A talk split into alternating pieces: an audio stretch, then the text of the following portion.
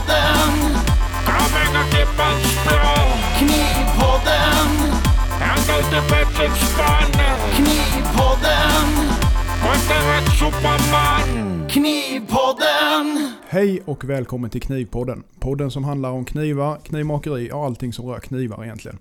Med oss idag har vi Axel Alfredsson från Alfredsson Knives. Vi har Patrik Karlvik från Smedja Aspen. Vi har mig Jonas Jonsson från Isasmedjan. Och vi har även Jonas Nilsson från Sandvik med oss som gäst idag. Välkommen! Tack så Tack så mycket. mycket. Och extra välkommen Jonas. Tackar, tackar, tackar. Är allt bra med dig? Ja, det är bara fint. Ja, Ja, härligt. Få avsluta veckan i en podcast. ja, ja det är underbart. Känns ganska ovant får jag lov att säga. Men eh, hoppas det går bra.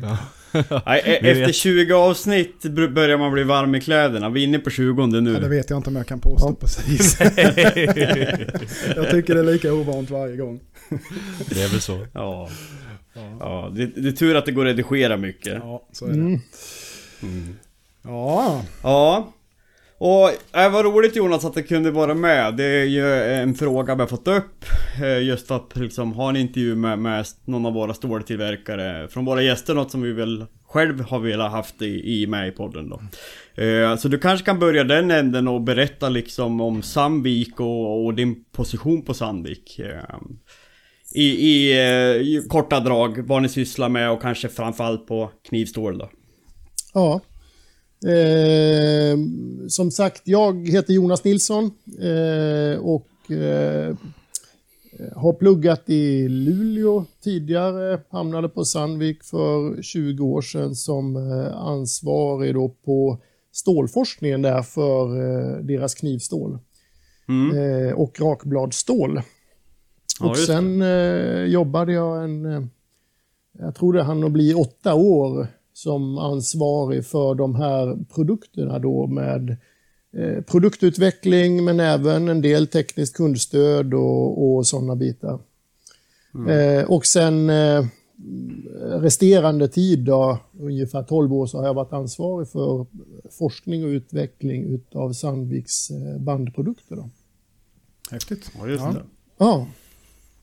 Och det är en ganska liten eh, enhet. Eh, men vi har ju stor stöttning utav Sandviks eh, totala forskningsorganisation. Hela Sandvik är ju, får man väl säga, ett jätteföretag med 42 000 anställda var det för ett par år sedan. Eh, Jag har inte någon riktigt färsk siffra, men eh, det, det är ju någonstans där eh, i häraden då. Eh, Och en omsättning på 100 miljarder. Eh, lite knappt 4 procent utav det lägger man på forskning och utveckling. Då. Så 3,7 miljarder la man eh, 2018. Mm.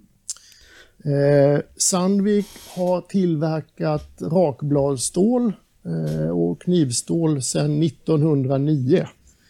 Eh, och man var tidigt ute med rostfritt eh, martensitiskt kromstål för, för knivar och rakblad redan på 20-talet. Så det är ju det kommer att bli 100 år nästa år sedan man gjorde de första försökssmältorna då på den här typen av material. Häftigt. Och sen dess så har man ju ja, men drivit produktutvecklingen på de här produkterna tillsammans framförallt med världens stora rakbladstillverkare. Där, där kraven har handlat mycket om att göra de här, naturligtvis alla dimensioner och toleranser som de behöver för att kunna slipa det och så vidare. Men sen handlar det om härdbarhet, att det är en jämn och fin mikrostruktur så de kan få sina riktigt fina eh, äggar, att de får upp eh, hårdheten så att det går att slipa och man får en bra gradbrytning. Eh, också att sen äggen blir stabila och håller naturligtvis, så att det inte viker sig eller flisar ur eller någonting sånt.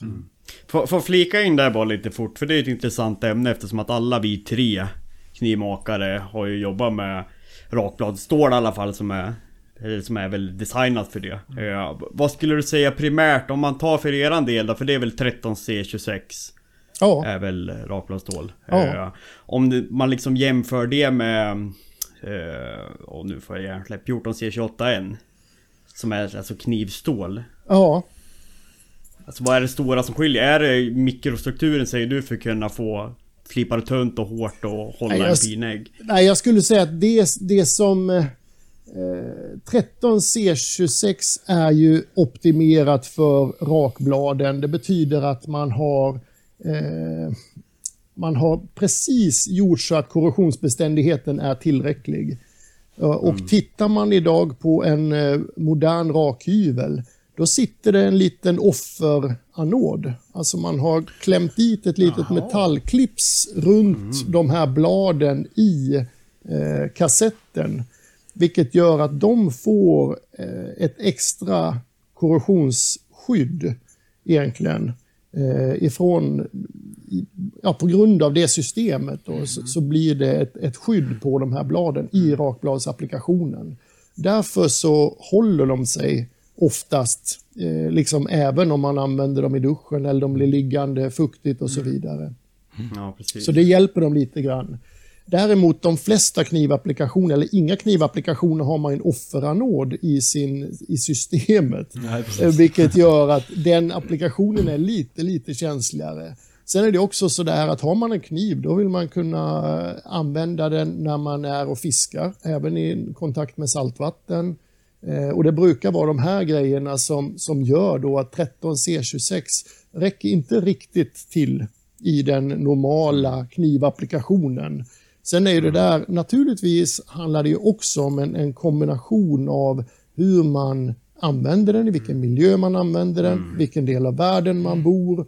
Eh, temperatur, fuktighet, salthalt är ju de, de eh, kritiska. Hur noggrann man är sin, med sin kniv. Om man eh, håller den ren och man torkar av den. Man kanske till och med oljar in den. Då kommer man liksom att klara den. Eh, är man inte lika noggrann så, så kanske den eh, riskerar då att få små korrosionsangrepp. Och på vad som i dagligt tal kallas för en rostfri kniv så vill man inte ha det. Då är den normala kunden ganska känslig för eh, rost får man väl säga. Ja. Precis. Ja, sen handlar det om rosttröga material de här. Man kan få allihop, alla knivstål kan man få rosta om man utsätter dem för en, en tuff eh, miljö. Så det, det, allt är Ja, liksom in, en, en inget är väl skala. va? rostfritt. Nej, nej.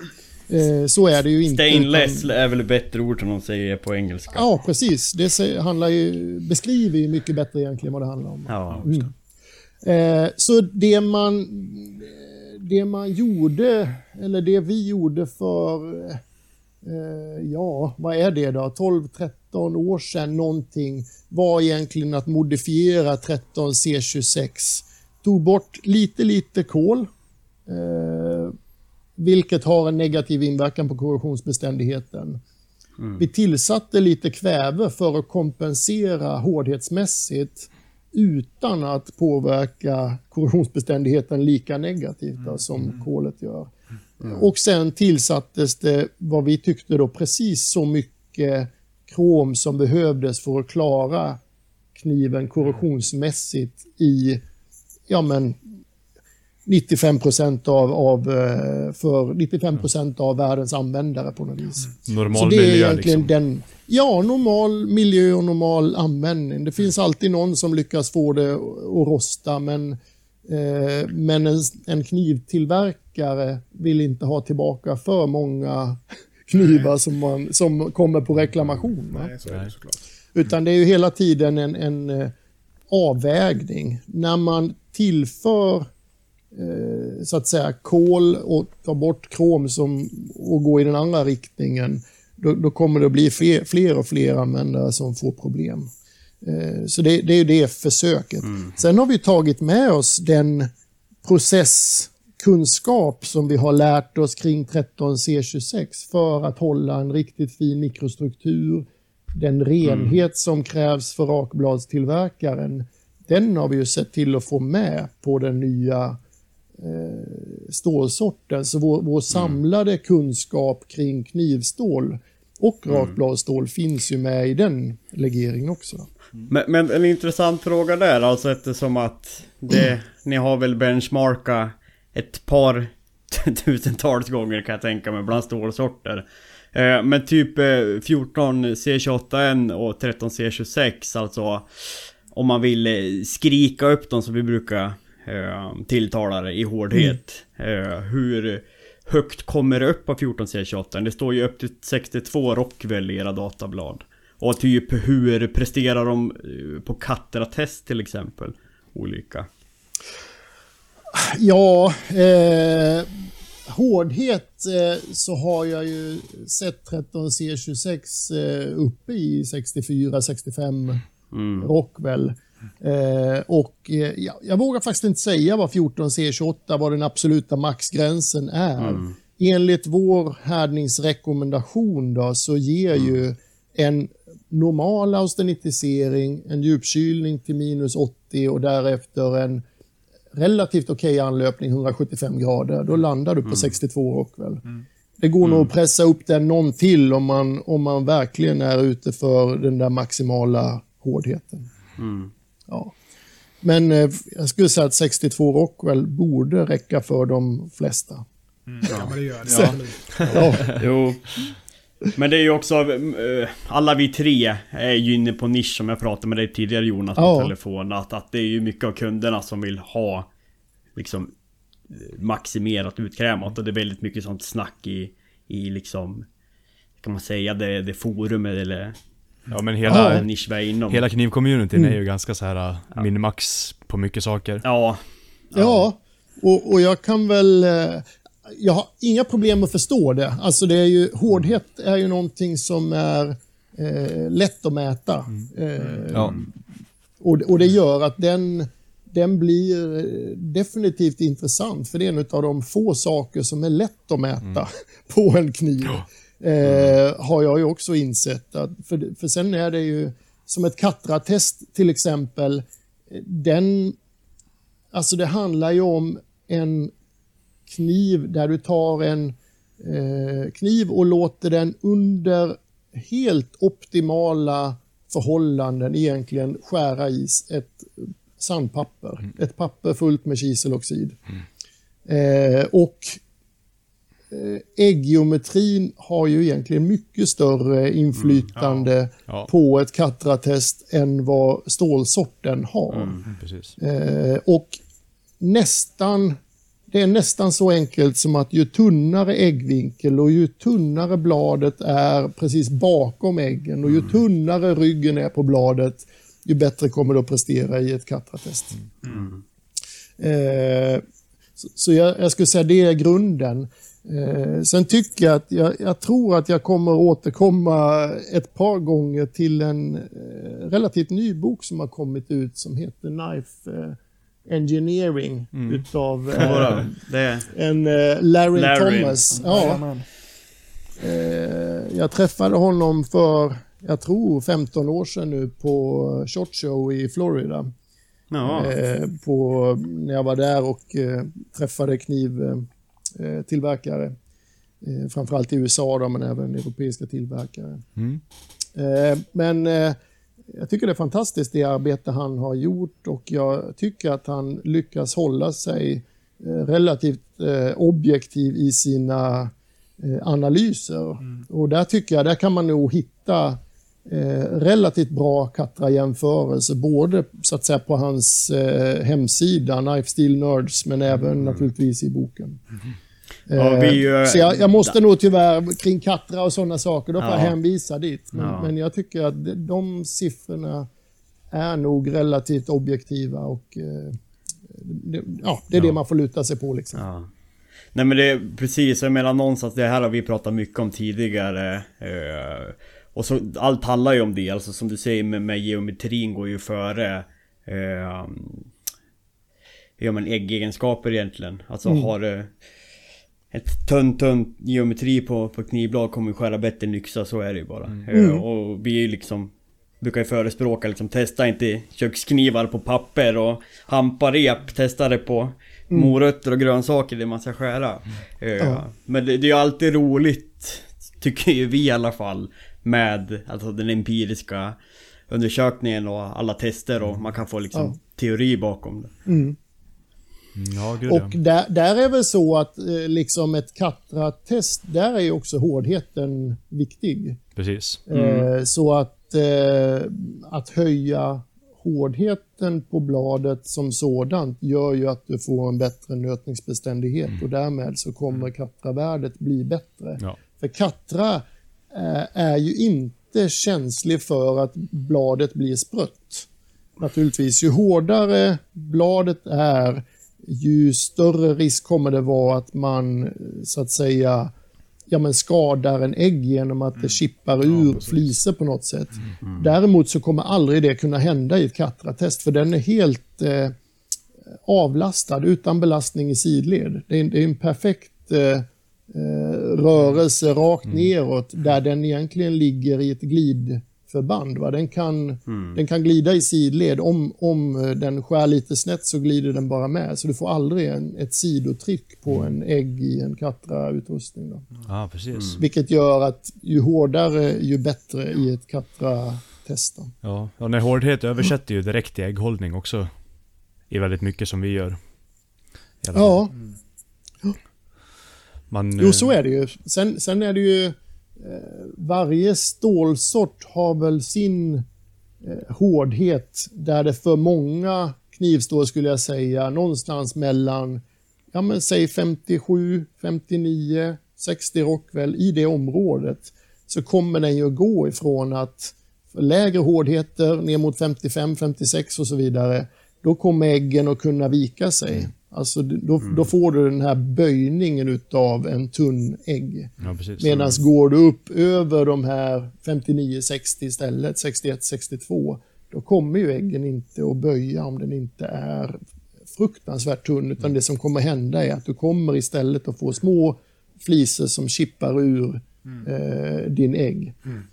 Eh, och, och där är det ju en, en liksom preferens hur man vill använda sin kniv och vad man, vad, vad man ska ha den till naturligtvis.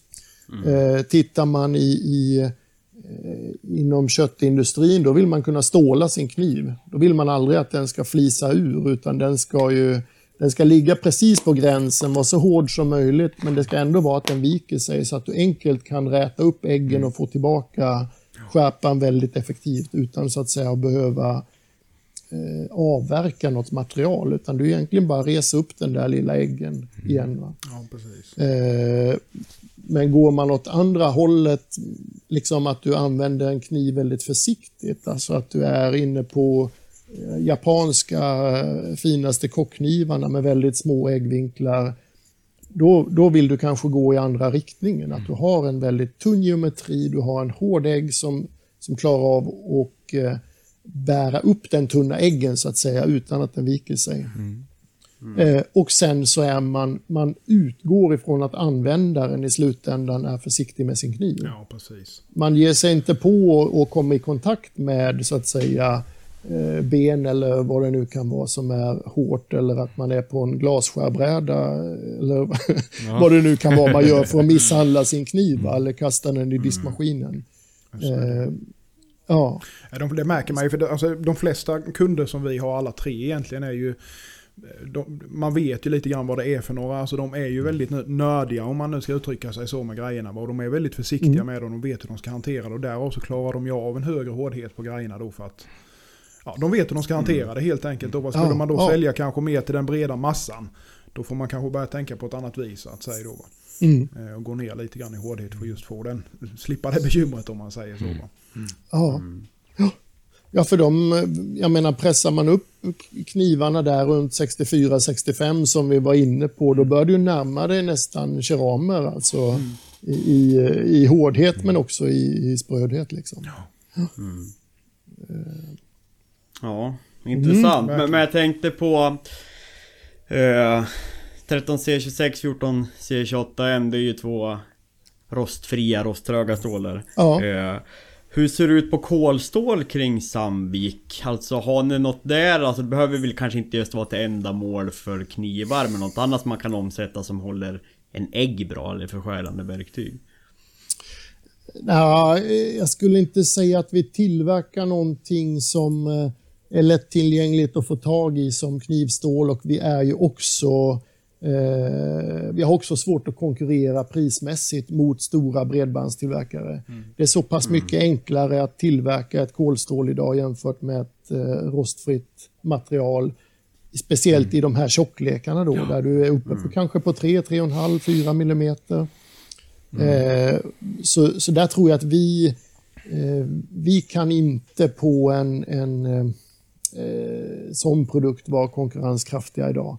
Eh, vi tillverkar ju material i relativt liten skala om man jämför med många stålverk i världen. Alltså vår smältugn tar 75 ton. Eh, Vi har en, en ljusbågsugn för att smälta ner material. Eh, Och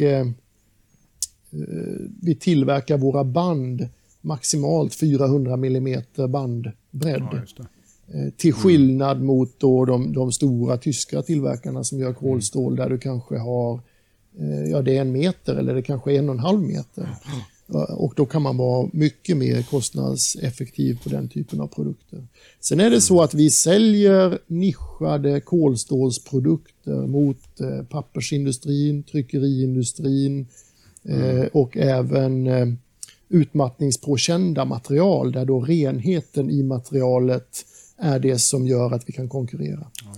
Eh, Så det är, det är nötningsbeständighet och eh, renhet i materialet. Och sen i kombination med att det är absolut rakt, att det har perfekt rätt tjocklek och så vidare. Då är vi konkurrenskraftiga. Men inte, på, inte skulle jag säga en, en kolstålsprodukt för knivar idag. Vi tillverkar en del sånt eh, material men jag, jag tror att eh, faktiskt ni har lättare att leta upp eh, något liknande någon annanstans. Får jag vara ärlig och säga. Ja. Nej men det är intressant att veta för det är ju... För jag vet inte, det är ju 20C, alltså 1095. Har vi väl... Ja, vi gör också. 20C, eh, 1% kol. I princip ett rent kolstål och vi gör ju 20C2 med eh, runt någon procent krom då, vilket vi i princip är eh, något av de här eh, standard kullagerstålen då med lite förbättrad härdbarhet egentligen. Okej. Ja. Men, men alltså just det, alltså även om man pratar olika prissättningar och konkurrenskraft, alltså hur ni positionerar er på marknaden. Finns det tillgängligt alltså att köpa i volym? Eller är det liksom om man tänker för vår egen del, även om man nu skulle gå och köpa ett större parti eller hur, hur ja. jobbar ni med det? Alltså går du, lägger du en beställning till eh, Sandvik idag på 300-400 kilo eh, kolstål 20C eller 20C2, då är det inga problem. Då kan vi leverera det. Men någonstans där skulle jag säga min kvantiteten går och den är nog satt på eh, på, eh, vad ska man säga, priset på ordern egentligen. Och då kanske det är ännu större volymer du måste köpa utav ett lite billigare kolstål. Då. För jag tror min eh, orderbeloppet ligger i storleksordningen 30 000. Men det är, ju, det är nog ungefär där, eh, om man nu ska säga era konkurrenter ligger också, tror jag, i den. Alltså om man nu ska beställa direkt ifrån eh, fabrik, om man nu ska säga så, va, som, både som företag, eller ja, privatperson kanske man inte kan göra det då, men som, privat, alltså som Ja. företag i alla fall. Då. Mm. Nej för det skulle bara vara roligt för, för jag, jag kan ju bara prata för min egen del. Eh, så alltså jag känner ju för att jag skulle vilja jobba mer med svenska stålar för jag... Ja, nu använder jag mycket eh, från, från Tyskland. Eh, men, men Ja. det skulle alltså just att få liksom eh, kännedomen om vad det finns för alternativ till exempel hos er. Eh, och även om det så skulle innebära att det handlar om att köpa på sig för 30 000. Jag menar vi som eh, jobbar med med knivmakandet så blir ju det bara någonstans. Jag köper volym brukar ju bli bättre peng per eh, ämne för kniv. Och det går ju ändå åt. Så det, liksom, det, där, det där räknar man ju hem eh, oftast. Mm. Ja, precis. Ja, det, det går naturligtvis att eh, eh, och, eh, kolla upp det, vad, vad det handlar om för pengar. Men jag, jag tror att det är naturligtvis prisvärt att gå till en tysk leverantör. Däremot är det ju så att eh, jag menar, idag vill man ju liksom tänka mer kring hållbarhet och cirkularitet och då är det ju svårt att hitta något annat land i världen där du har en bättre energimix för att driva ett stålverk än vad vi har i Sverige. Skulle jag säga, vilket gör att det blir en väldigt hållbar och eh, så att säga energieffektiv eh, och, och hållbar produkt i slutändan. Så det, det finns ju även den typen av argument för att köpa svenskt naturligtvis. Ja, ja, visst är det så. Men det finns ju jättemånga argument att köpa svenskt. Egentligen när jag tänker på det så är det ju egentligen bara oerhört konstigt och dumt får jag väl säga enkelt uttryckt. A- Att liksom jag importerar mitt stål från ett annat land när det finns så pass bra ståltillverkare liksom på hemmaplan. Jag har en 20 mil ifrån mig liksom. Och det är... Mm. Men ja. Så är det ju. Det, alltså det, finns ju det finns ju väldigt Ja. bra produkter här. Alltså stålprodukter som säljs till knivmakare alltså, över hela världen i väldigt stor mängd. Eh, Många av de här, eh, bland annat då som om man pratar kolstål till exempel, som 20C då, 15N20 tillverkas ju här. Eh, och så vidare, som Mm. används jättemycket. Eh, och och liksom då kan man då försöka att Ja, precis samma sak som Axel. Jag vill ju hellre också handla svenska stål för att jag, man, man- man, vill ju liksom, det är, man vill ju ha hela kedjan om man nu säger så med både det hållbara och plus att det är liksom en svensk produkt och man erbjuder när man är som svensk knivsmed då så vill man ju gärna kunna ha liksom en hel svensk produkt så att säga. Mm. Och, Jag är Ja. helt med. eh, ja. Mm. Eh, Men eh, det, det, jo, nu är... Det kanske, det går, kanske går en liten goodiebag på om ni får några spillbitar så kan ju vi utvärdera. Och sen kan vi lägga en order på, på 30 000. Jag lovar att ta med mig frågan till vår produktchef och, och eh, höra med honom om, om han tror att det är, är gångbart så att säga. Ja, Eh, men jag, det tror, jag tror att, eh, ja, eh, definitivt så, så tycker jag att för de martensitiska kromstålen som vi nämnde inledningsvis, va, 13C26, 14C28N och även vårt nya knivstål 10C28 MO2. ja. Eh, sen finns det ju också ett eh, eh, verktygsstål då, som heter 10C16 MO3V1. Vilket indikerar att det är eh, en halv procent eh, kol eh, och eh, 8 procent krom. Då. Så det är ju ett sånt här 8 procentigt kromstål och sen är det tillsatser utav molybden och vanadin. Ja. Eh, Så det är ett ja, otroligt eh, segt eh, och nötningsbeständigt material. Jag tänkte som- säga att det måste ju vara väldigt bra mot urchippning och sånt med de legeringarna. Ja, ja så du, du får ju en, en eh, eh, ja, men en väldigt eh, seg och Mm. tuff eh, slutprodukt med bra nötningsbeständighet. Lite som, chi- Eh, lite som chipperstålen som man hade förr då, fast lite modernare. Ja, det, här, det är ju definitivt av den eh, typen. Mm. Det ligger ju i den familjen så att säga. Ja. Så det är väl Sandviks eh, variant på chipperstål kan man säga. Ja, precis. Mm. Häftigt. Så det är väl de, de fyra och sen naturligtvis även eh, hittar man klassikern 12C27 s- så, så är ju den eh, eh, också en, en, eh, ett väldigt bra knivstål. Mm. Och vill man ha en, en hårdare, ännu mer nötningsbeständig produkt så finns det ju en variant som heter 19C27 också. Okej. 0,95 i kol. Eh, och där kan man ju också eh, pressa upp eh, hårdheten till ja, Okej. i alla ja. fall de där 62. Jag, jag, jag vågar inte säga eh, exakt några siffror nu. Då. Mm. Mm. Ja, nej men de, Ja, flä- men de det- flesta stålen över 0,5 kol kan du ju pressa upp ganska högt om man kör lite, lite kylcykler och sånt där. Och jag märkte i alla fall. Det går ju... Mm. Ja, ja, det låter rimligt. Det, det här att dra ur det sista restosteniten och hela den här biten, det gör ju väldigt mycket för hårdheten. Mm. Mm.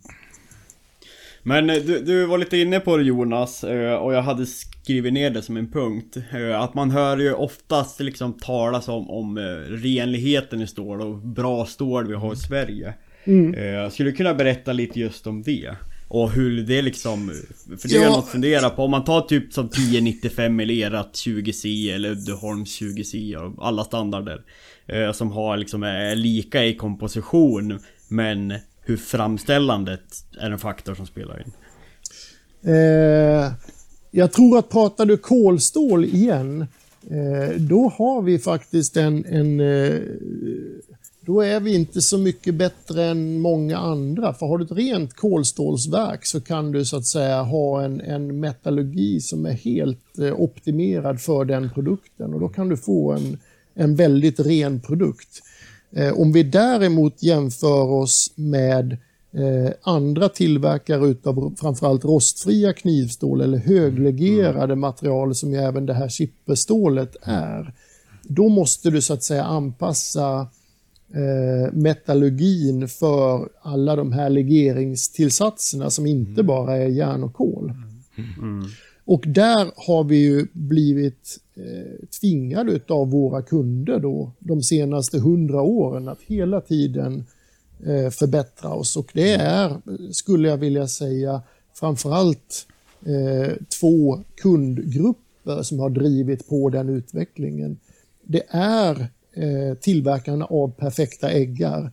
Och rakbladskunden är ju den givna eh, kravställaren. Men det finns ju också de som tillverkar skalpeller där vi har en stor kundkrets. Och det finns de som tillverkar andra specialiserade kirurgiska blad för att ta vävnadsprover och, och den typen av de perfekta bladen. Där du, du, du måste ha den ultimata slutliga skärpan. Eh, då kan du inte ha orenheter och slagger i materialet. Nej, det, precis. måste vara otroligt låga eh, nivåer och väldigt rena material. Så där har man eh, genom den eh, eh, process vi har med skänkugn och eh, därefter en stränggjutning så, så lyckas man hålla väldigt låga slagghalter i materialen. Den andra kundkretsen då som jag var inne på det är ju utmattningspåkända applikationer där vi är en stor tillverkare utav eh, ventilstål, alltså den, den lilla eh, stålbläck som ligger öppna och stänger i alla kylskåps och fryskompressorer och i AC'n i bilar eh, och i room AC där utmattning är det som bryter ner de här materialen eh, efter ett antal miljoner eller hundra miljoner cykler. Och då måste du också ha väldigt få och väldigt små sådana här orenheter i materialet. Eh, ett ganska roligt exempel är ju att, att fundera över rakbladstillverkarna. Alltså en, ett rakblad idag är 75 mikrometer tjockt. Eh, och när man tar, eh, säger att man härdar eh, och slipar 4000 sådana där blad så staplar man dem ovanpå varandra med perfekt slipade äggar. Eh, då får man en, en, ett paket kan man säga med en sammetsmatt yta. Ni vet ju hur det ser ut om ni håller en kniv mot en lampa eh, och får en reflektion ifrån den här lampan på eran ägg. Då vet ni att den är inte perfekt. Eh, det är en skada i äggen. Eh, och det visar sig att ögat är ju känsligt, skulle jag säga, ner mot ett par tre mikrometer i diameter så kommer man att se den ljusreflektionen. Det betyder att när de stoppar upp sina 4000 blad, de tittar mot en perfekt lampa, de vinklar lite på det här paketet och de letar efter en ljusreflektion. Är det då ett blad som har en skada så kan de direkt plocka ur det bladet. Och sen har de då liksom en, en, eh, en skrotlåda. Och sitter en operatör och ska göra det jobbet. Det finns ingen maskin som klarar att plocka ut den här ljusreflektionen utan det blir en operatör som ska göra det. Eh, Och det gör att eh, där, där har vi haft en, en väldigt bra kravställare kan man väl säga som har tvingat fram väldigt rena och fina mikrostrukturer. Eh, vilket är, är svåröverträffat i, idag skulle jag säga. Och det handlar ju både om, om eh, orenheter, alltså slagger, men också grövre karbider, alltså partiklar där kol binder till krom, molybden eller en annan karbidbild där i, i materialet. Det kan ju vara vanadin också. Ja.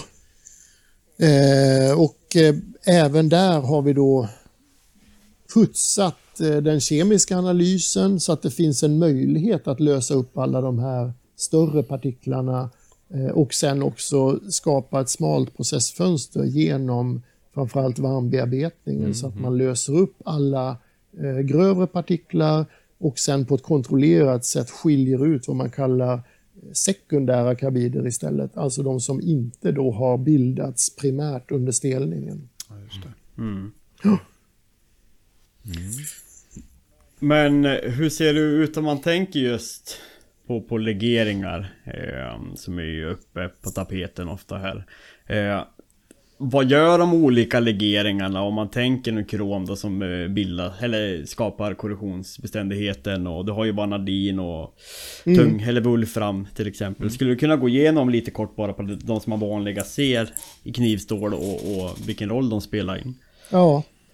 Eh, ja, kol är ju det uppenbara. Det är ju det som gör att vi får ett eh, stål helt enkelt. Eh, och kol är ju en väldigt liten atom. Eh, om man tänker på alla de andra elementen du nämner nu, eh, alltså järn, krom, molybden, wolfram, då är de mycket, mycket större till storleken. Det betyder att kol går inte in och byter ut en järnatom i strukturen, utan den letar upp hålrum emellan järnatomerna. Eh, och det är likadant för kväve. Även den är en väldigt liten atom och därför så tränger den sig in i hålrummen mellan de övriga metallatomerna. Eh, och den bidrar, båda, både kväve och kol bidrar till hårdheten eh, naturligtvis. Eh, tillsätter man ja, mer kol, då, då gör kol och kväve att det är svårare att ombilda materialet till martensit. Och det är det som gör att för högre kolhalter eller högre uppvärmningstemperaturer, då måste vi använda kanske en djupkylning för att få upp den där eh, maximala hårdheten. För annars så, så böjer hårdhetskurvan av när man får in för mycket eh, kol i materialet. Då blir det för svårt för materialet att omvandlas till martensit och då kommer man att få för stor andel av den här mjukare eh, restausteniten som man kallar det. Eh, kol bidrar också negativt till korrosionsbeständigheten i ett rostfritt material. Så ju mer kol du har, ju mer kommer kolet att binda upp krom som behövs för korrosionsbeständigheten. Och både för kol och krom, för att de ska kunna göra någon nytta, så, så kan de inte vara bundna i karbider. Alltså de kan inte sitta ihop med varandra, utan de måste ligga inlösta i eh, matrisen, alltså mellan järnatomerna. Eh, och då finns de tillgängliga för att eh, hjälpa till att höja hårdheten, eh, men också för att eh, eh, hantera och förbättra korrosionsbeständigheten. Då. Så så det gör ju att bara för att man har eh, 3% kol i ett material på pappret så är inte det materialet dubbelt så hårt som ett material som har 1,5% kol och det är inte tre gånger så hårt som ett som har 1 kol. Utan det är hela tiden det kol som finns löst mellan järnatomerna. Det är det kolet som kommer kunna bidra till hårdheten. Så det är det inlösta kolet och kromet som faktiskt påverkar slutegenskaperna och det gör att, att bara titta på analysen, alltså hur mycket kol det var i smältverket, är inte direkt eh, kopplat till hårdheten. Eller hur hårt någonting kan bli i slutändan. Finns det någon typ av övre, alltså något generellt alltså, eller övre gräns på om man säger hur mycket kol är kompositionen till så att det inte bidrar till hårdheten? Jag menar till exempel som... Nej, men jag skulle säga om man, om man inte använder djupkylning, då går nog den gränsen redan runt de här 0,5 procenten. Du kan inte utnyttja så mycket mer.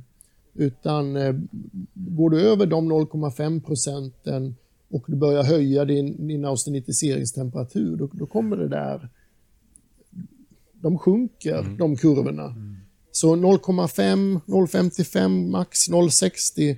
Någonstans där är liksom vad du kan få ut en maxhårdhet eh, utan en djupkylning. Och det är ju i närheten där vi ligger med vårt 12C27 och med vårt 14C28N.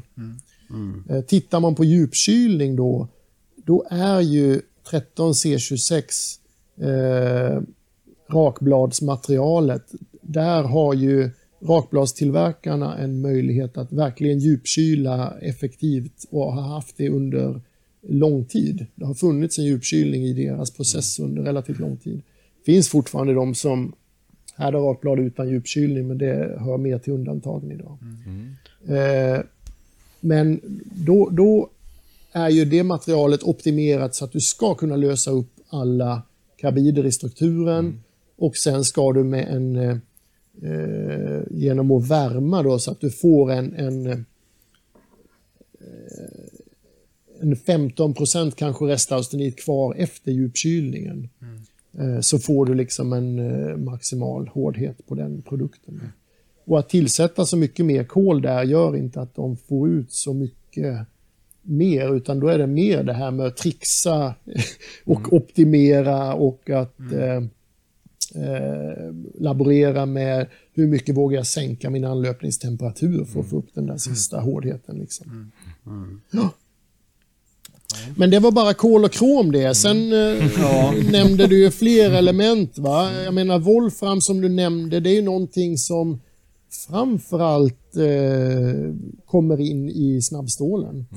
Eh, när man utvecklade snabbstålen så, började, så insåg man att genom att tillsätta ganska mycket Wolfram till ett kolstål eh, så eh, får man skapa en ny karbidtyp, en snabbstålskarbid eh, som är, är stabil i det systemet.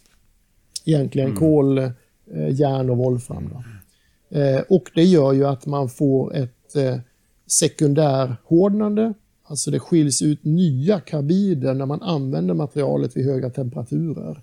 Eh, och det var den effekten man egentligen eftersträvade. Så snabbstål är ju någonting där man utnyttjar Wolfram för att få den här snabbstålskarbiden som sen också ger ett, ett sekundärhårdnande. Så att de, den typen av material är ju eh, beständiga vid höga temperaturer. Ja. Eh, och då kommer vi också in på kobolt eh, som är ett intressant material när man vill ha någonting som är temperaturstabilt. Alltså man vill kunna använda det ända upp till kanske 500-600 grader.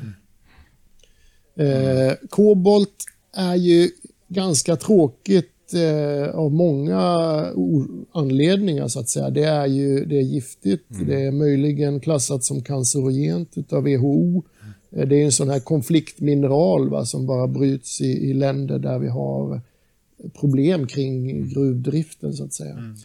Eh, Så kobolt är väl någonting man generellt eh, ja, man försöker undvika om det går.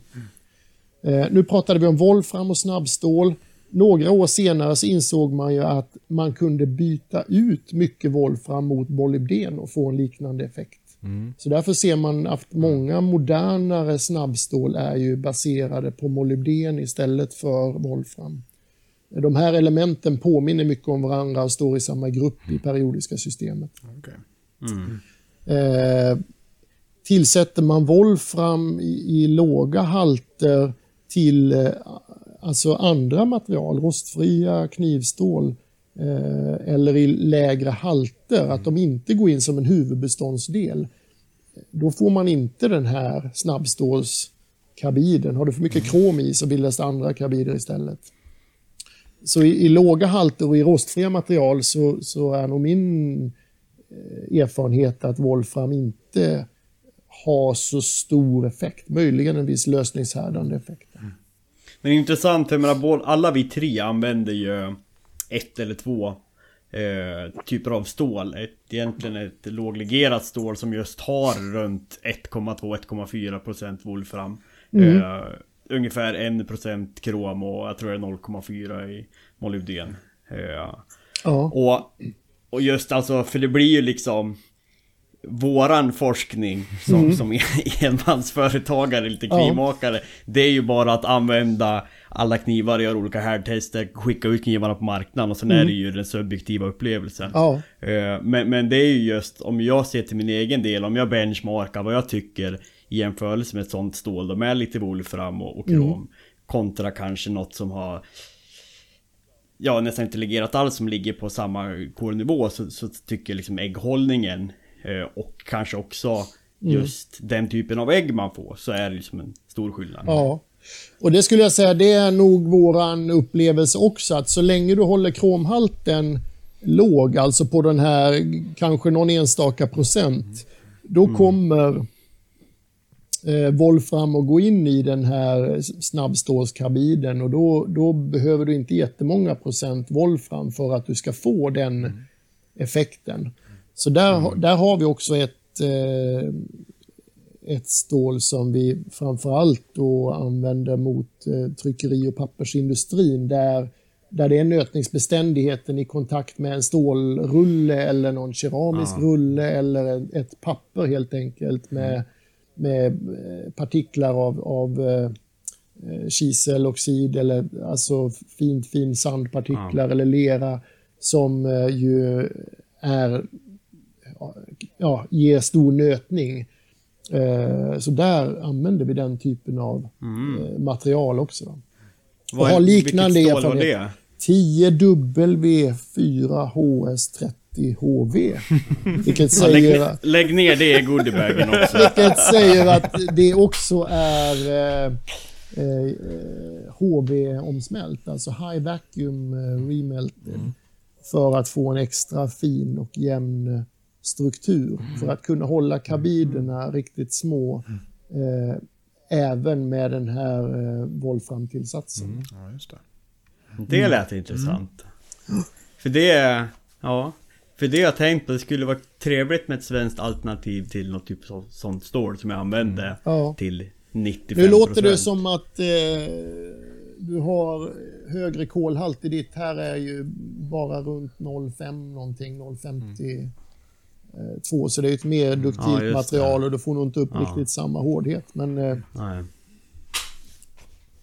ja, du får, eh, Ja, vi, vi får vi- fundera vi får- vidare på det. Ja, vi får Eh, botanisera ert sortiment sen. ja.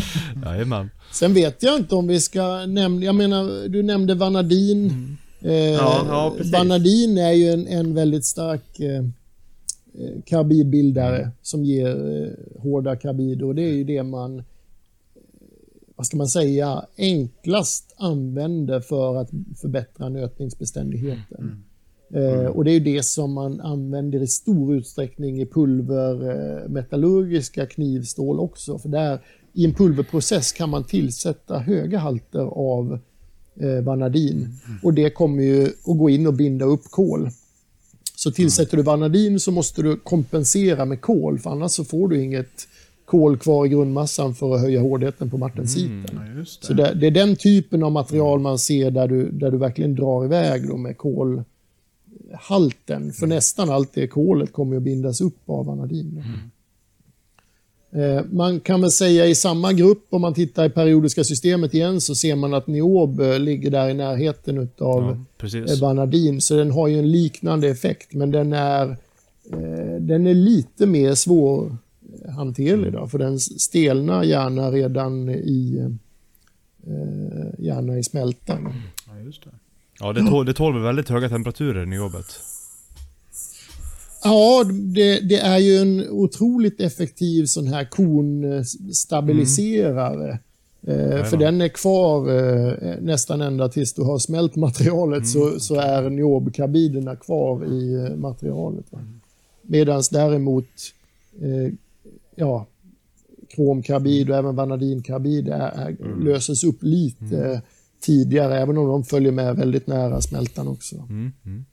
Men det är ju också väldigt hög hårdhet på både vanadinkarbiden och niobkarbiden. Ja, det... Det är väl de, de två hårdaste karbiderna som är så att säga lätta att eh, komma, ja, få in i materialet helt enkelt.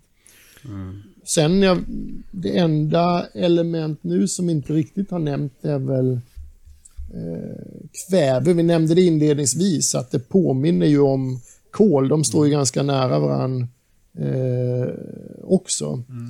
Eh, och eh,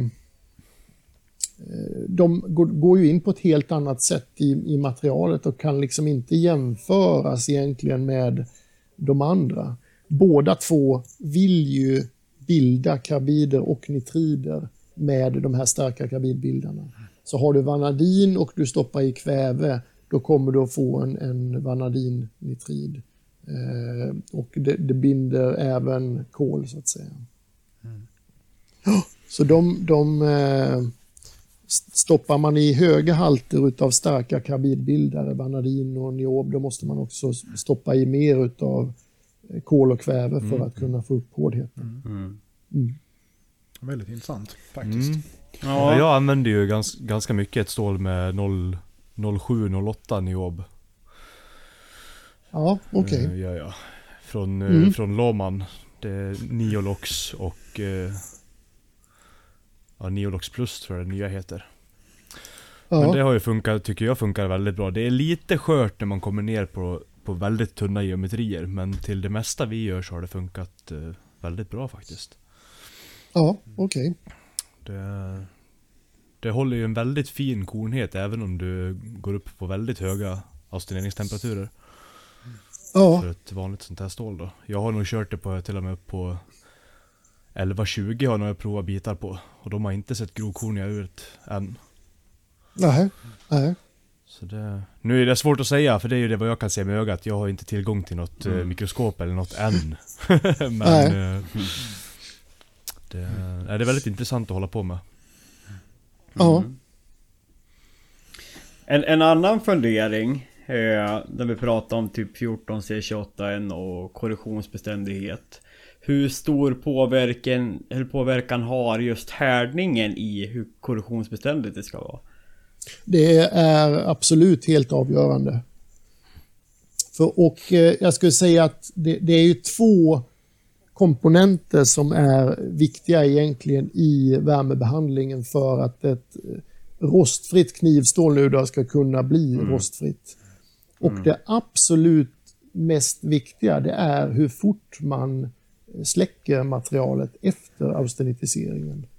Mm. Eh, om tiden ifrån austenitisering och till du når eh, en temperatur runt 600 grader där eh, atomerna kan, så att säga, någonstans där runt 600 grader, då börjar diffusionen, alltså rörelsen hos atomerna i materialet, framförallt då på kol och eh, kväve, att bli så långsam så att du inte skiljer ut nya eh, partiklar under svalningen. Mm. Mm. Eh, och dit ner måste du ta dig inom åtminstone inom en minut eh, är, är idealt. Då skulle jag säga att då har du då har du gjort vad du kan för att hålla riktigt bra Va, då, en, korrosionsegenskaper. En liten följdfråga på det där då. Eh, det kan mm. hända att vi har nämnt det innan men jag har liksom inte hängt med på det i så fall.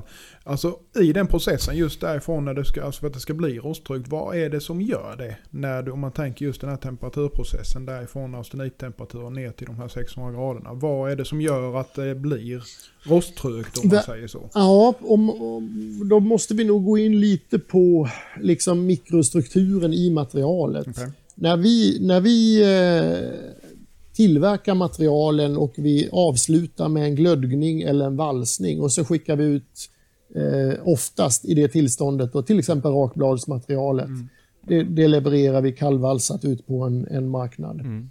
Då är det helt ferritiskt. Okay. Alltså det är en, den mikrostruktur vi levererar ut. Eh, då är det relativt eh, mjukt och, och duktilt. Kolet har ingen chans att få plats i hålrummen i ferrit. Vilket gör att allt kol måste leta upp en kompis. Eh, och det är en kabid. Alltså det är en kromatom eller en, en eh, järnatom. Där får de plats. Där kan de så att säga sitta och vänta på att det ska bli lite varmt så att de kan börja röra sig. Eh, när ni sen i, i en härdningsprocess eh, går in i ugnen, vi värmer upp någonstans runt 800 grader. Då börjar vi närma oss vad vi kallar för A1. Eh, då passerar vi alltså en fasgräns. Helt plötsligt så säger stålet att ferrit är inget stabilt tillstånd längre. Jag vill omvandla mig till austenit. Eh, och det är ju egentligen bara en, en förflyttning hur, hur eh, framförallt järnatomerna som styr det här stålets mikrostruktur, hur den, eh, hur, hur den är mest energieffektiv, får man säga. Mm. Så, så över de här drygt 800 graderna, då omvandlas materialet till austenit. Helt plötsligt så öppnas de här hålrummen för kolet upp. Kol kan börja förflytta sig i materialet eh, och ta plats i de här hålrummen. Eh, och om man ifrån det läget fortsätter höja temperaturen, alltså upp till en härdtemperatur, du nämnde 1120 tror mm. jag, och det kan vara 1050 och däremellan.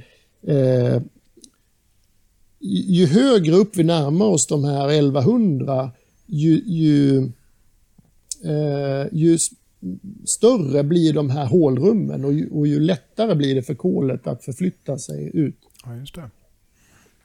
Och om vi då helt plötsligt eh, klipper, alltså vi kyler materialet väldigt snabbt, mm. eh, då kommer kol att försöka leta sig tillbaka till eh, krom och bilda nya karbider.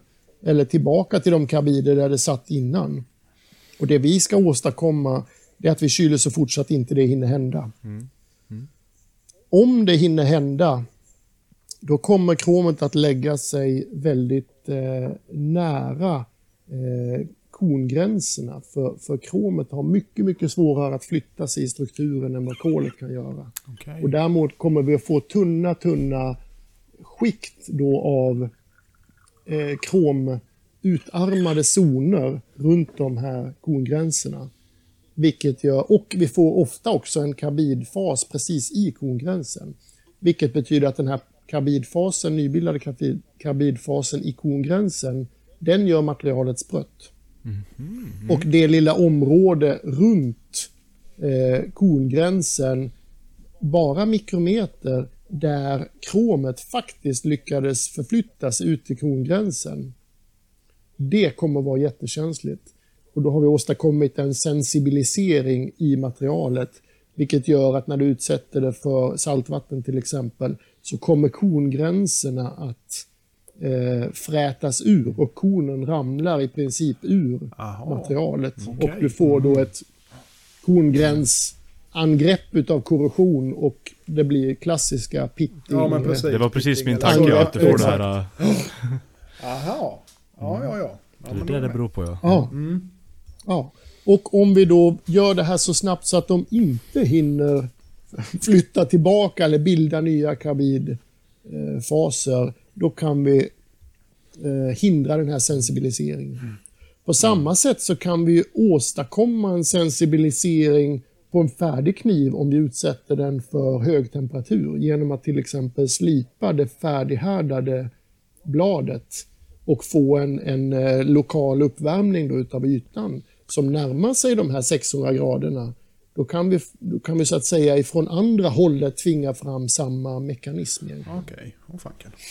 Mm. Ja, det, är det, är ju när vi blåanlöper ja, ett ja, eh, material ja, så börjar vi ju närma oss mm. där. Va? Så då vet man att då har man, ja, så inte, inte nog med att det blir kanske mjukt, det kan också bli sprött mm. eh, genom då en anlöpningsförsprödning mm. eller ah. eh, du för, samtidigt försämrade korrosionsegenskaper. Eh, ja, just det. För det, det, får du väl när du gör de här högtemperatursanlöpningar eller, eller sekundärhärdning då? De har väl sämre ja. korrosionsbeständighet?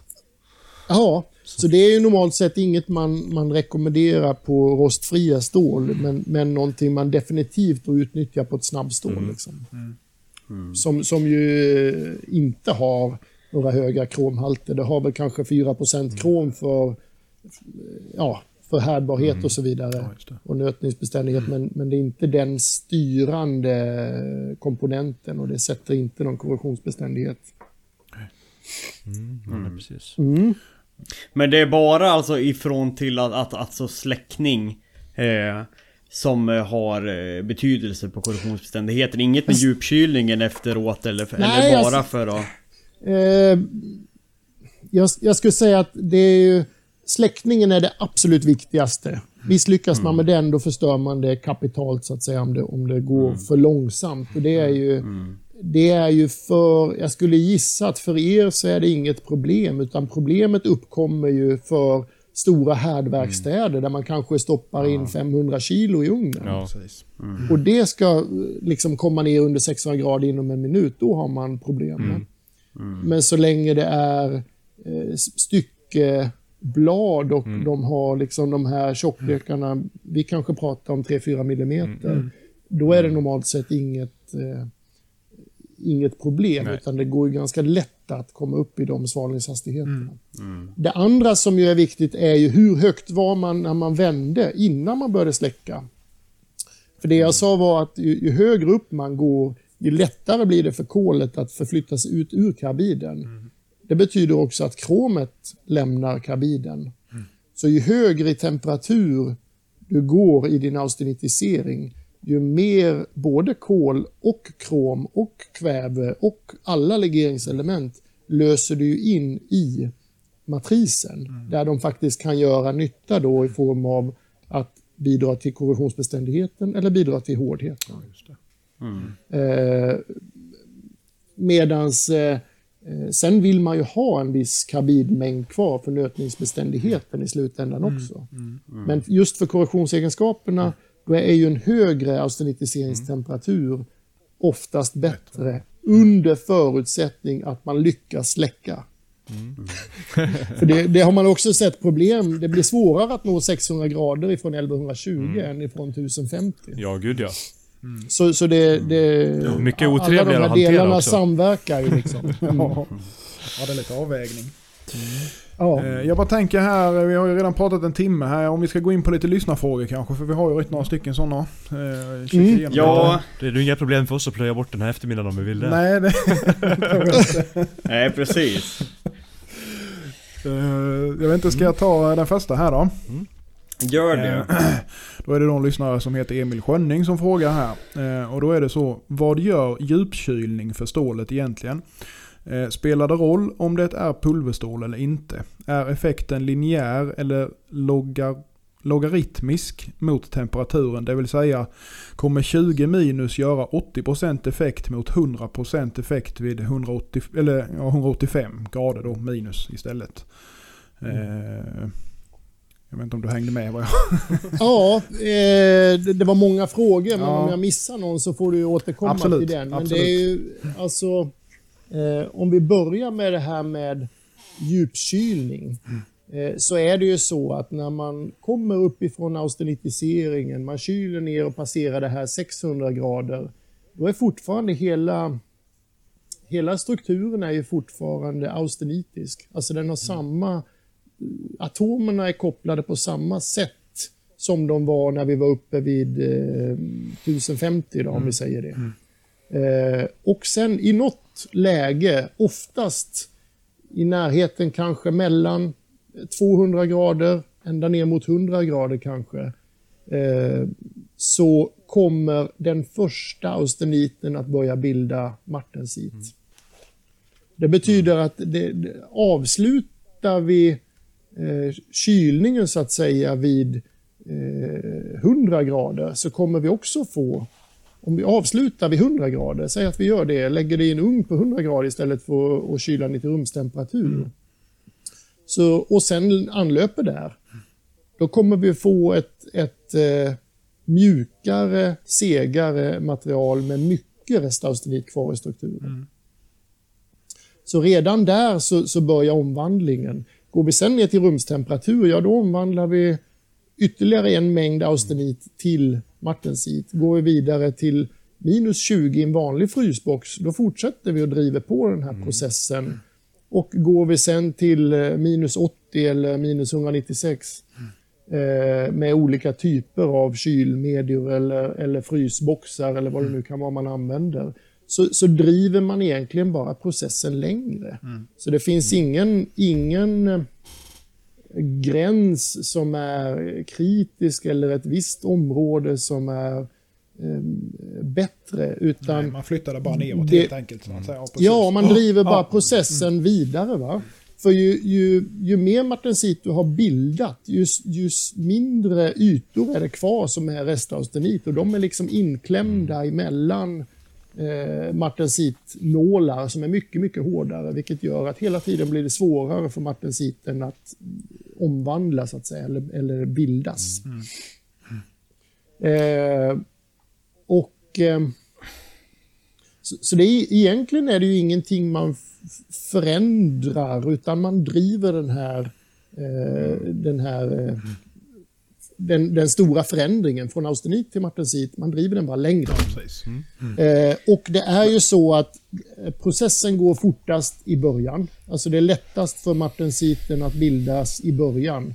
Men då pratar vi om att då är vi kanske på de här, eh, då är vi där vi började på 100 grader. Det är då någonstans, eller 150 grader. Det är där vi träffar den här martensitstarttemperaturen, när det börjar bildas martensit. Och sen därifrån så driver vi på det eh, vidare. Så i början ifrån 150 då ner till rumstemperatur så går det fortast. Eh, så är det. Sen blir det mer, jag skulle inte säga att det är logaritmiskt, däremot så ansluter det asymptotiskt. Alltså det går, det går fort i början för att i princip eh, bli två parallella linjer i just det. slutändan. Va? Att den, den, den når nästan aldrig riktigt dit, utan Nej, precis. den kommer närmare och närmare och närmare. Eh, så det är inte linjärt, att det liksom bara smackar på och eh, det följer ett eh, streck, utan det går fortast i början när det är enklast. Eh, och varje grad på slutet har liksom eh, mindre effekt. Så därför kan det definitivt vara eh, ja, men ge en skillnad att utnyttja en vanlig frysbox. För det är ju, det är faktiskt så att man går då ifrån rumstemperatur ner till minus 20, det är 40 graders eh, skillnad och där får man med sig en hel del förändring. Eh, Vad är det som avgör i stål om det eh, gagnas av en djupkylning? Eh, i- ja, det är mer... Eh, eh, jag skulle säga, det är, ju, det är ju egentligen, vill du ha den högsta hårdheten, eh, då gagnas du av en högre kolhalt ofta och en, en djupkylning på det. Men jag tänker för vissa stå, som enkla kolstål är det så här, ja, jag sa eh, det så kanske det tjänar på vissa liksom en halv Rockwell Ja, Medans på rostfritt, det kan man ju snarare handla om tre, Ja. tre Rockwell ja. Min erfarenhet på de Och jag jobbar med. där, där skulle jag säga att då, det, som, det som påverkar det, det är ju egentligen att alla, nästan ska jag säga, alla element du tillsätter till ett eh, eh, vanligt kolstål. Börjar du stoppa i, oavsett vad du stoppar i, du stoppar i mer krom, du stoppar i mer molybden, du stoppar i mer vanadin, du stoppar i mer eh, niob och kisel och, och mangan, alltihop. Så kommer du att göra det svårare för austeniten att bilda martensit. Eh, och därmed så får du en större effekt av en djupkylning. Så ju mer höglegerat ett material är och eh, återigen så är det ju det, eh, de legeringsämnen som faktiskt finns inlösta i materialet när du börjar släcka. Det är de som, som avgör. Så det är inte kolhalten på pappret utan det är kombinationen av kolhalten på, ditt, eh, på din analys med hur högt i temperatur gick du. Så ju, ju mer höglegerat materialet är och ju högre, du austenit, ju högre temperatur du austenitiserar, ju bättre effekt får du av din djupkylning. Okej. Och det är för Men- att, ja, är det mycket inlösta legeringselement, nästan oavsett vad, så blir det svårare för materialet att omvandla till martensit. Där finns ett undantag eh, och det är kobolt som man på något sätt då kan använda lite som en eh, lite som en djupkylning. Man kan tillåta sig mer eh, kol eh, och andra legringsämnen i ett sådant material. Utan att behöva djupkyla egentligen. Ja, det är väldigt intressant. Men, men kan man säga, bara kort där innan vi tar nästa, annars kommer vi sit, sitta här tills Och vi har bara tagit halva frågan. Jag kommer inte ihåg vad den andra delen av Nej, frågan men, men jag har var. nog vi har täckt in alltihopa i det vi har pratat om här. Så Ja. jag tror vi, Okej. vi, vi lyckas med Men, det. men jag tänkte bara snabbt där, eftersom att i de kretsarna vi är eh, Så är det liksom underförstått, den enkla versionen är att vissa stål tjänar mer på djupkyla, så ja absolut. Men sen är det ju också det att vissa ska det ju ner till Minus 196 eld Och det kommer inte tjäna någonting om du lägger i frysboxen. Medan vissa som till exempel ABL eller 13C26 så är det väldigt underförstått att ja men kastar du i frysboxen får du en Rockwell om man ska förenkla. Eh, Går det ner till minus 80 grader ja då kan du få 2-3 Rockwell till. Men Går det liksom att generalisera så som jag förstår på dig så, så skulle man tjäna på att kasta i frysboxen även om man tar de eh, låglegerade eh, kolstålarna vi använder med volfram och krom och som är lite mer legerat än än ett vanligt kolstål om man säger så. Ja, det är väl... Ju, ju lägre legerat det är, ju mindre nytta har du av en eh, djupkylning rent generellt.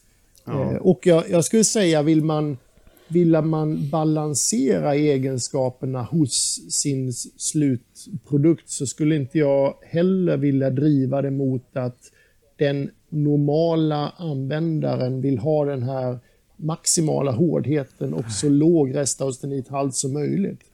Eh, För det är ju trots allt så att den här restausteniten är ju en väldigt duktil fas som, som kan ta upp eh, energi av olika slag och deformation på ett betydligt bättre sätt än vad den rena martensiten kan göra. Vilket betyder att för för knivar där du, ja men om det är för camping eller du vill ha en huggare eller du utsätter den för normalt friluftsliv som kan innebära lite det ena och eh, det andra. Va? Där, du, där du faktiskt påverkar din kniv med ganska höga krafter och belastningar. Då kan det absolut vara en fördel att ha lite restaustenit kvar i, i bladet. Eh, Så, så det är återigen den här balansen. Vilken, vilken kund och slutanvändare vänder jag mig till? Är det en överlevnadskniv eller en militärkniv eller en campingkniv? Eh, Då tror jag att då ska man nog liksom fundera mer åt andra hållet. Hur, får jag, hur får jag den här balansen? Jag kanske inte alls ska använda djupkylning i de, eh, i, i de applikationerna. Medan däremot för, för eh, sushikniven eller för den här eh, dagliga fällkniven som inte kommer att utsättas för så, för så höga krafter och belastningar och jag vill ha en, den ultimata skärpan. Ja men då kan man, då kanske man definitivt ska gå mot en maxhårdhet och en, därmed en djupkylning och, och lägre anöppningstemperatur. Härligt, ska vi ta nästa fråga? Ja. Mm. Patrik har du Jajamän, jag har den uppe. uppe? Ehm, Fredrik Spåre frågar eh, varför, varför det är svårt då att köpa Sandviksstål i Sverige? Att det är lättare för oss små att importera? Är hans första fråga då. Och sen har han en följdfråga att han lämnade ett Buladi 14C28 i järnklorid i två dagar. Han glömde väl bort det antagligen.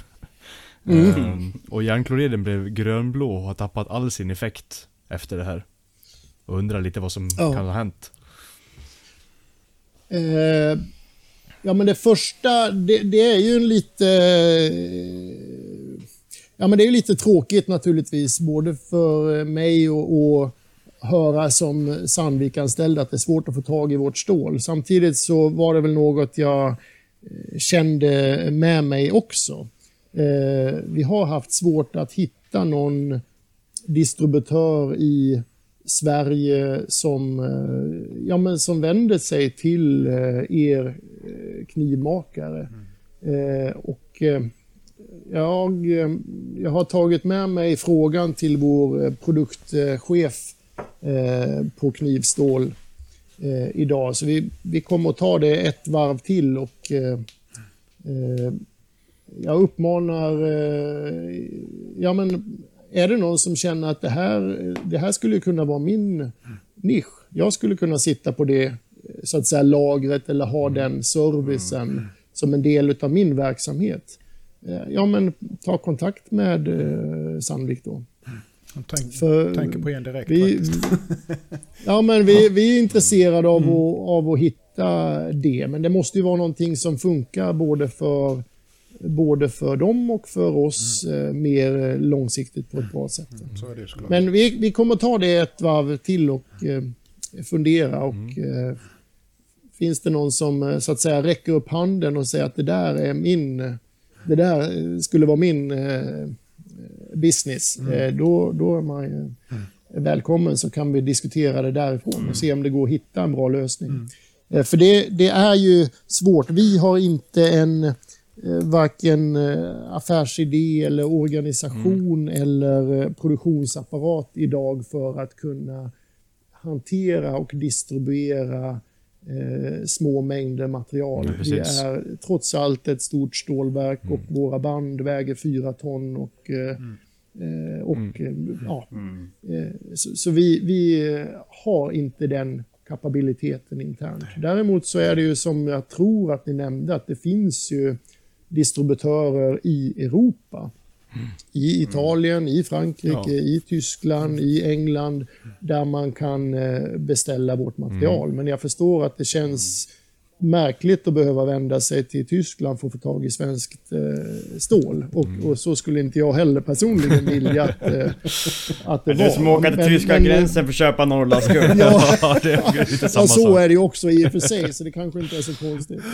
Men eh, det, det rimmar ju dåligt med eh, det vi var inne på tidigare med hållbarhet. Att vi ska skicka det fram och tillbaka mellan, mellan våra länder. För att det ska bli billigare. Jag är helt... Ja. Jag är helt säker på att, alltså, sen förstår ju jag också för att logistiskt och affärsmässigt för er ska fungera. Men, men jag menar, vi som är insyltade i knivmakar-Sverige, om man säger så.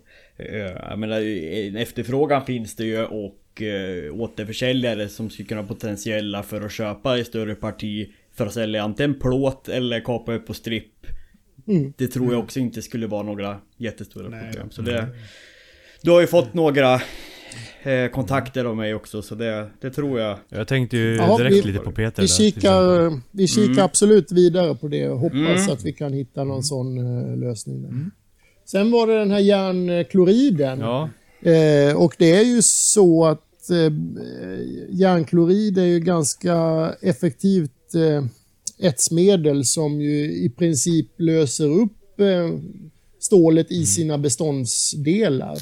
Vilket betyder att du kommer ha metalljoner av alla slag som fanns i stålet ursprungligen. De kommer att simma runt i inlösta i lösningen. Alltså du kommer ha järnjoner, du kommer ha kromjoner och du kommer ha eh, ja, men, kisel, mangan och så vidare. Jag vet i dagsläget inte vilken av dem som ger den här grönblå färgen som han, som han ser på lösningen. Men om det är någonting han inte brukar se när han, när han löser in eh, eller glömmer kolstålsprover, då kan man ju gissa på att det är kromet som bildar en, en eh, grönfärgad, eh, eller en jon som blir grönfärgad i lösning. Eh, och ja, de, de här etsvätskorna är inte helt trevliga. Man ska, man ska hantera dem eh, lite försiktigt, speciellt när de då innehåller de här lösta järnjonerna som där inte alla är helt eh, nyttiga så att säga. Det är faktiskt en bra poäng det, för det är rätt många som eh, i våra kretsar som kanske inte är sådär jätte... Jag är väl inte sådär jättenoga kan jag säga. Så det, det är faktiskt helt... Talar helt rätt. inte av Ja, egen erfarenhet överhuvudtaget. Jag känner en som gör det. Nej. Nej, så är det. Men det var ju lite märkligt Ja. att den tappade sin effekt. Men eh, det är klart i och för sig efter två dagar så är det väl kanske inte så konstigt. Ja. Vad, det, vad det är som Men gör det, det där. det gör ju kol, Jag har glömt uh, kolstål i ättikan. Jag har hållit på att tagit Ja. bort uh, uh, glödskal då. Mm, Glödskal och så ja, Ja. precis. Mm. Det, Ja. det var inget kvar. Det var bara en tjock sörja efter några veckor. Mm. Ja, så är det ju. Ja, nej, Ja. men där, där är ju olika, olika etsmedel är ju olika eh, känsliga så att säga för hur snabbt de blir besmittade utav de här jonerna och tappar sin effektivitet. då. Jag, jag är dåligt insatt i järnklorid men, men eh, det, är nog, eh, det är nog helt rimligt att, eh, att det blir så så att säga. Den tappar effekten när du får för höga halter av järnjoner. Du, du styr om någon jämvikt i vätskan helt enkelt. Och, och helt plötsligt så blir den mättad då med avseende på någon jon och därför så vill det inte lösa upp. Nej, just det. eh, Något annat Mer. ja, precis. nej. Jag har förstått att man använder ganska trevliga syror när man håller på med metallurgiska mikroskop och sånt också. Ja, så är det ju. Och då är ju de, de här materialen vi pratar om nu är ju ganska eh, trevliga och snälla i det avseendet. De, de går ju att etsa relativt effektivt, men, men som vi var inne på tidigare, det här med rosttröghet är en lång skala och Sandvik är ju mest kända egentligen för att tillverka extremt korrosionsbeständiga material Okej. som så att säga ska kunna hantera den typen av vätskor i, i fabriker och Mm. Ja, liknande. Vilket gör att de blir också extremt svåra att etsa. Mm. Eh, och få fram mikrostrukturer på, på ett effektivt sätt. Mm. Och även i, i processen då när man kommer in med ett, eh, ett varmband eh, som, som kommer ifrån ett varmvalsverk så har det ju kraftiga oxider på ytorna som man då betar bort Mm. också med syra, bad. Där man eh, naturligtvis behöver eh, kraftiga syror och i, i olika kombinationer Mm. och med förhöjda temperaturer för att faktiskt få en effektiv eh, eh, process för att få Mm. bort den här oxiden. Ja. Ja, ska vi ta de sista frågorna? Ja. Vi har ju varit inne lite på, på det frågorna antyder. Eh, Men eh, vi kan klumpa ihop två i alla fall. Och det är André Öber som frågar Hur jobbar ni med marknadsföring mot knivmakare och hur ser ni på den marknaden?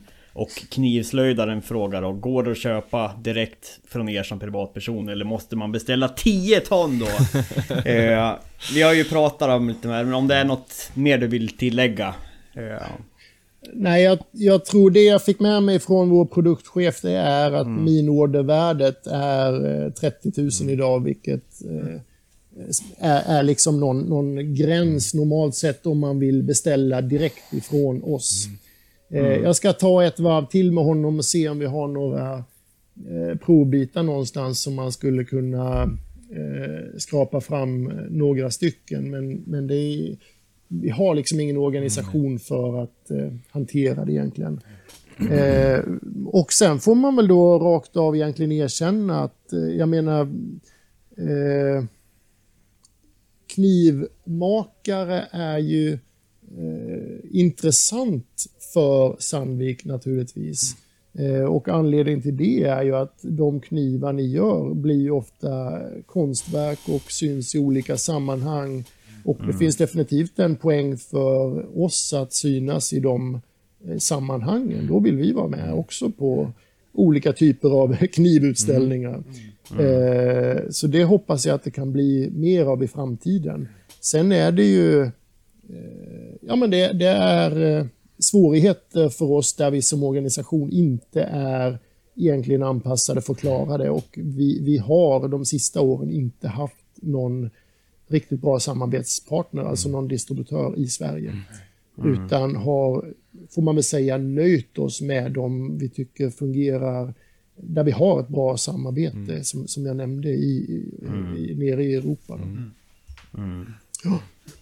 Nej det tror jag alltså just eh, som vi pratade om och som inte alla kanske känner till eh, Är ju, vad sa du, är det en fransk eller en tysk Tillverkare som gör rostfritt mönstervält stål. Alltså Martin Cities med, med Sandvik. Ja, där, där finns en liten, eh, verkligen en liten firma, eh, Balbach, Balbach, heter ja, de väl, precis. som har valt ut ett par Sandvik eh, eh, stålsorter som de eh, tillverkar då en, en damask av i liten skala. Eh, som, eh, ja, men som går att få tag i via ett par distributörer i alla fall har jag sett eh, idag. Jag tror att de till och med säljer direkt via sin sida va?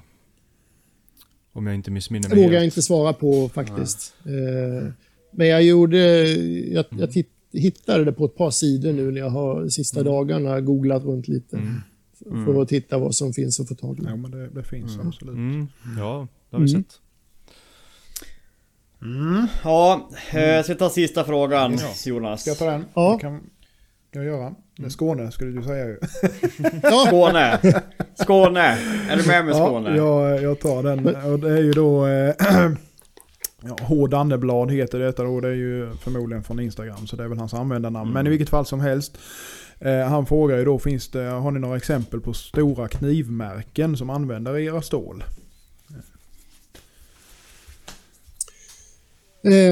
Jag, jag vet faktiskt inte hur, eh, ja, men hur vi får kommunicera kring det. Jag tittar, tittar man på eh, en del franska knivar idag så är de ofta märkta på bladen. Det finns ju ett par större knivregioner i Frankrike där vi har eh, distributörer sedan många år tillbaka. Så, så letar du upp en sån här eh, så kallad lagiolkniv eller en kniv från Thiers-området Ja, okej.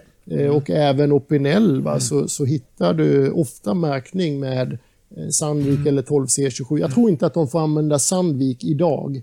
Eh, historiskt har man fått märka eh, knivar även med Sandvik. Ja. Däremot så, så får man Vissa utvalda användare får fortfarande använda stålsortsnamnet.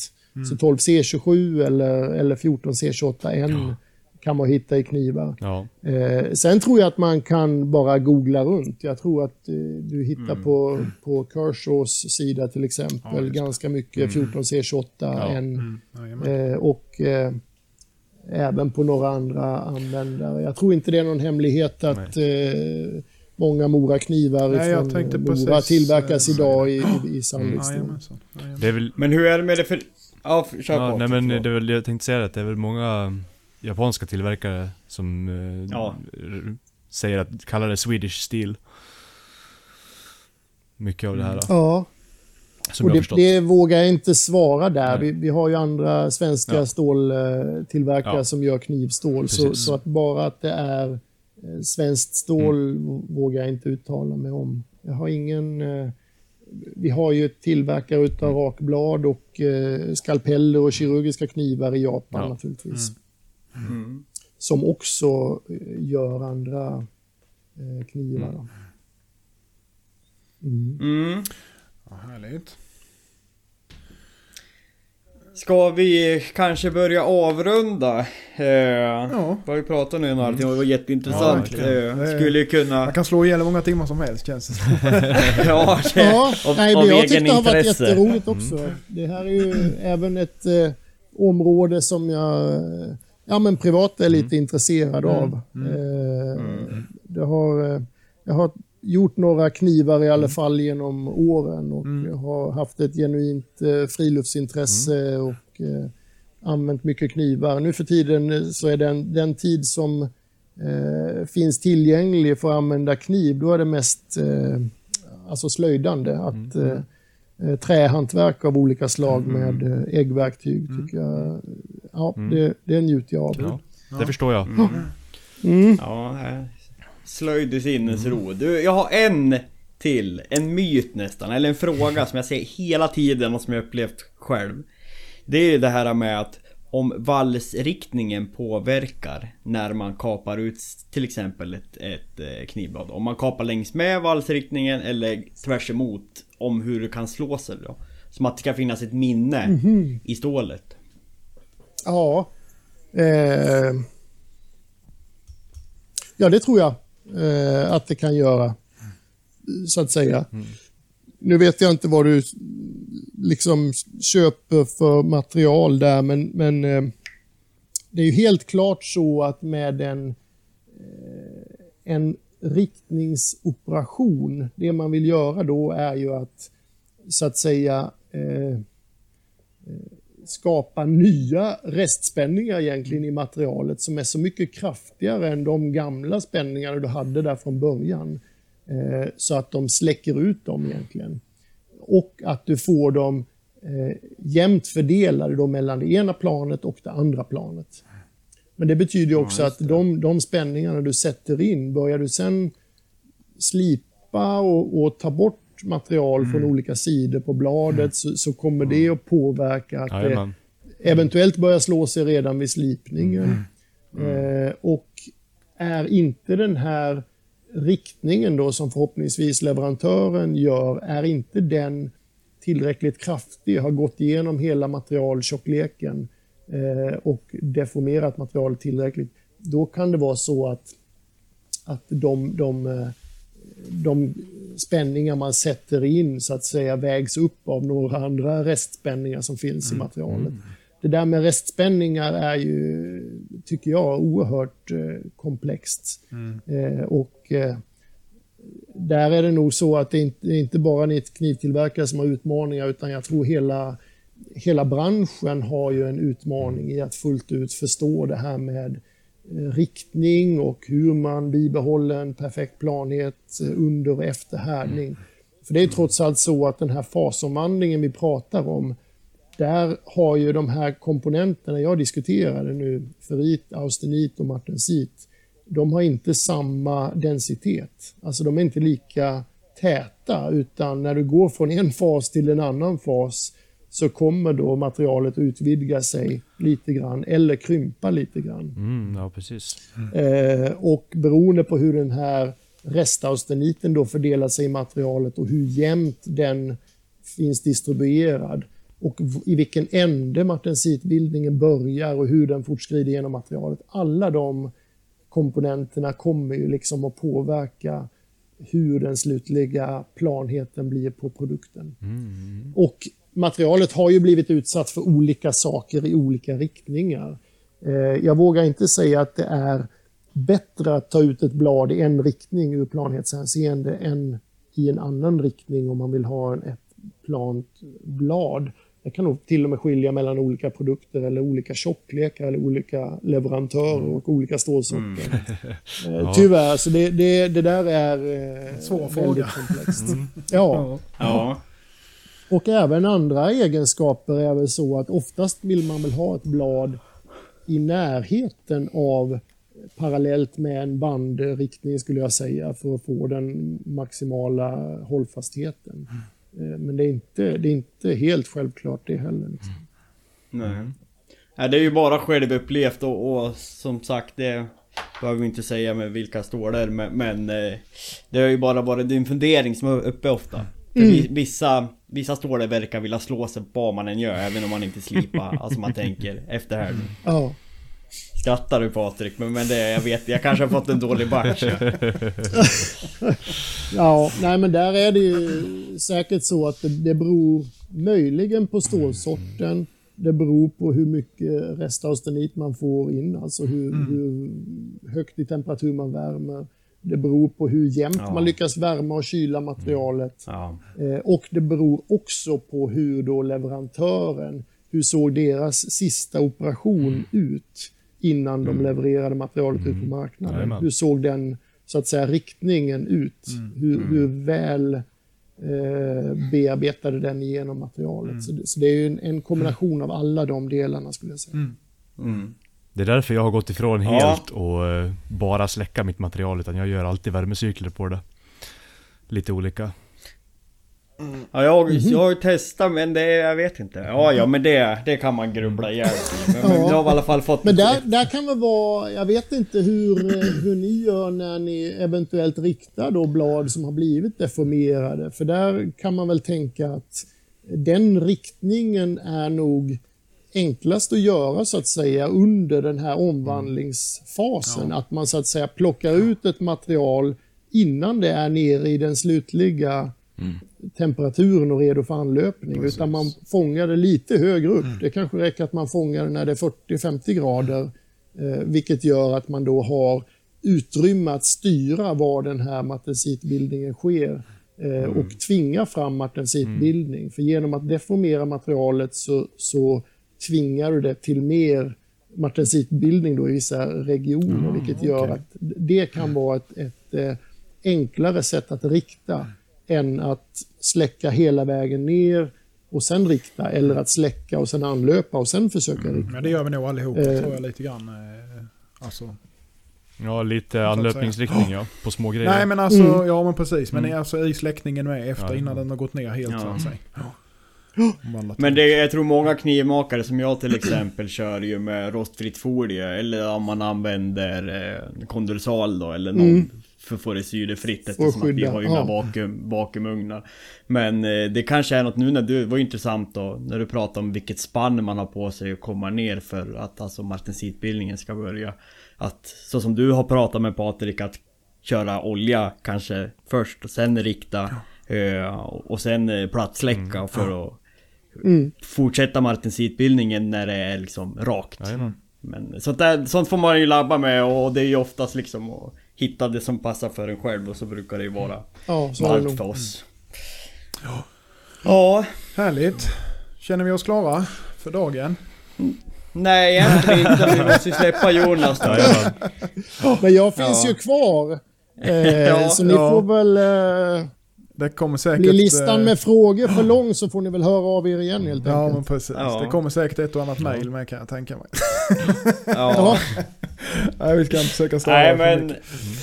Nej. jättekul Ja. att kunna vara med Jonas. Det var det väldigt intressant. Mycket, mycket. Eh, Och som sagt det här är ett ämne som vi skulle kunna hålla på och grotta ner oss i hur mycket som helst. Det finns alltid frågor då. Eh, Och då sk- skulle jag alltså, jag ser fram emot att testa mer Sandvik-produkter. Eh, Så den där goodiebagen, den, den hoppas vi på. jag tar med mig den frågan. Och sen Ja. eh, tackar jag så jättemycket för att jag har fått vara med och för att vi har fått det förtroendet. Ja, nej, Tusen men, tack, Ja. det var jätteroligt. Tack så jättemycket själv. Det är Ja. jättekul att prata. Ja, Absolut. ja men eh, trevlig helg här då. Ja. Så hörs vi grabbar sen Det gör vi. Ha det gött så Ja. länge. Trevlig helg allihopa. Tack, hej. Tack. Trevlig helg. Hej. Knivpodden!